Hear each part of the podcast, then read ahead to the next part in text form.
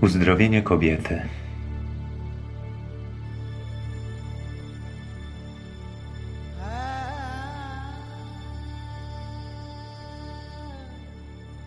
Jezus nauczał raz w szabat w jednej z synagog. A była tam kobieta, która od osiemnastu lat miała ducha niemocy. Była pochylona i w żaden sposób nie mogła się wyprostować.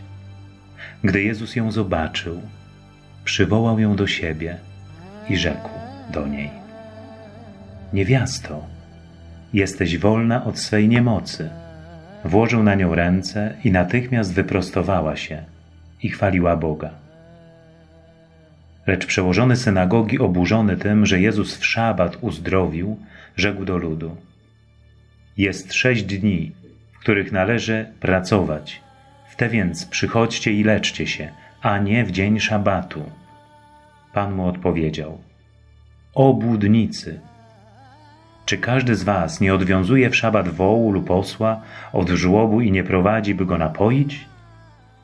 A tej córki Abrahama, którą szatan osiemnaście lat trzymał na uwięzi, nie należało uwolnić od tych więzów w dzień szabatu?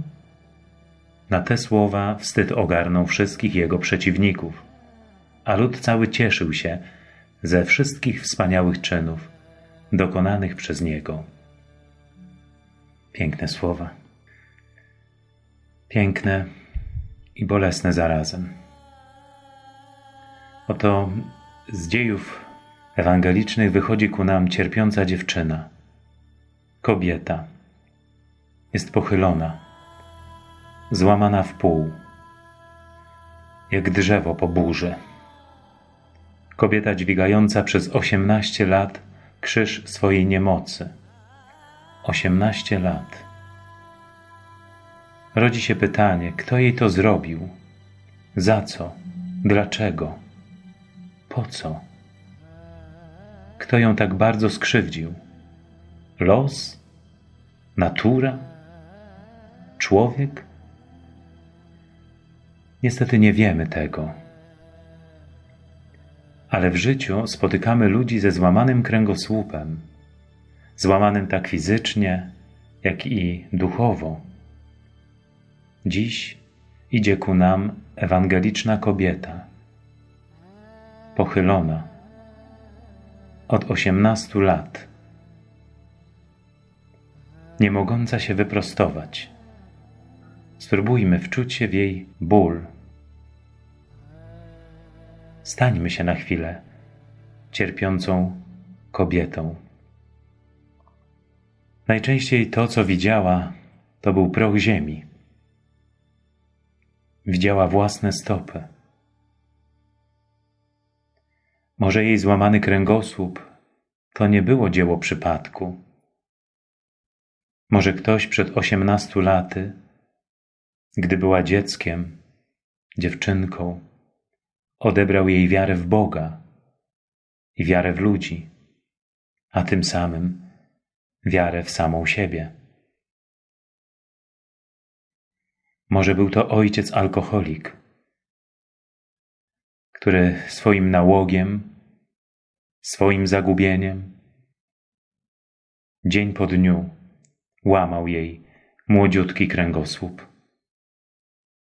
Dzień po dniu odbierał poczucie własnej wartości. A może w dzieciństwie spotkała tylko piekło braku miłości. Tego też nie wiemy.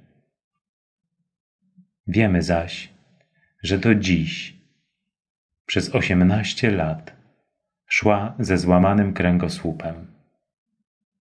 Dźwigała swą niemoc. Czasami na pierwszy rzut oka nie widać złamanego kręgosłupa. Mogą go mieć ludzie wyprostowani jak struna, do których ortopeda nie będzie miał najmniejszych zastrzeżeń. Ale ich wewnętrzny, duchowy kręgosłup może być połamany, zdeformowany, zdruzgotany. To przekuwa się na zaburzony obraz Boga, zaburzony obraz samego siebie, świata, bliźniego. Mogą to być ludzie żyjący wokół nas, którzy czują się gorsi, źli, niedobrzy, niekochani, niepotrzebni, beznadziejni, niewarci miłości. Ale jest ktoś, kto wychodzi na drogę, kto przywołuje po imieniu, kto widzi każdą łzę, każdy ból, każde cierpienie. Ktoś, kto widzi Ciebie i mnie, kto jest obecny w każdej sekundzie Twojego i mojego życia. Ktoś, kto ofiaruje nam uzdrowienie. To Jezus. On wypędza z serca ducha niemocy, który potrafi trzymać człowieka na uwięzi, czasem nawet przez osiemnaście lat. On zawsze dotyka ludzkiej niemocy.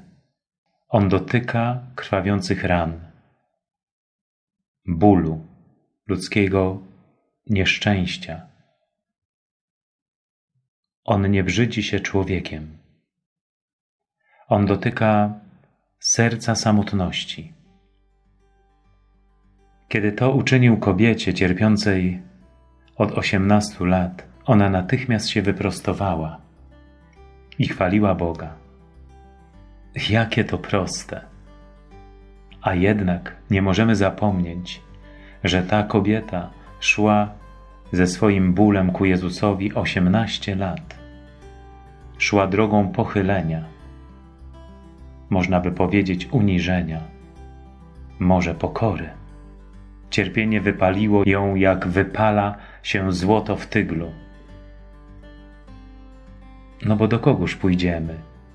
Z naszą krzywdą, z naszą raną, z naszym bólem, niemocą, z tym wszystkim, czego sami w sobie pokonać nie możemy.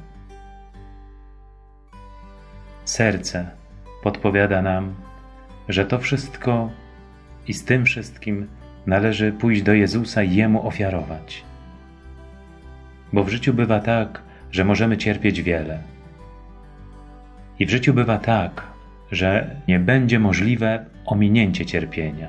A skoro tak jest, i skoro cierpienia ominąć się nieraz nie da, to jak cierpieć dobrze? Tylko tak, aby cierpieć z Jezusem i Jemu ofiarować wszystko i z Nim iść drogą uzdrowienia. I może na koniec taka refleksja, że najbardziej bolesne wydaje się dzisiaj w Ewangelii nie tylko to cierpienie tej kobiety, ale obłuda faryzeuszy, którzy są zgorszeni, że Jezus uzdrowił człowieka, pomógł człowiekowi. Oni zamiast się cieszyć, to są oburzeni. Jakie to musi być pochylenie, pełne nieświadomości, jak musi być zdruzgotany czyjś kręgosłup moralny, który smuci się z powodu radości czyjegoś uzdrowienia.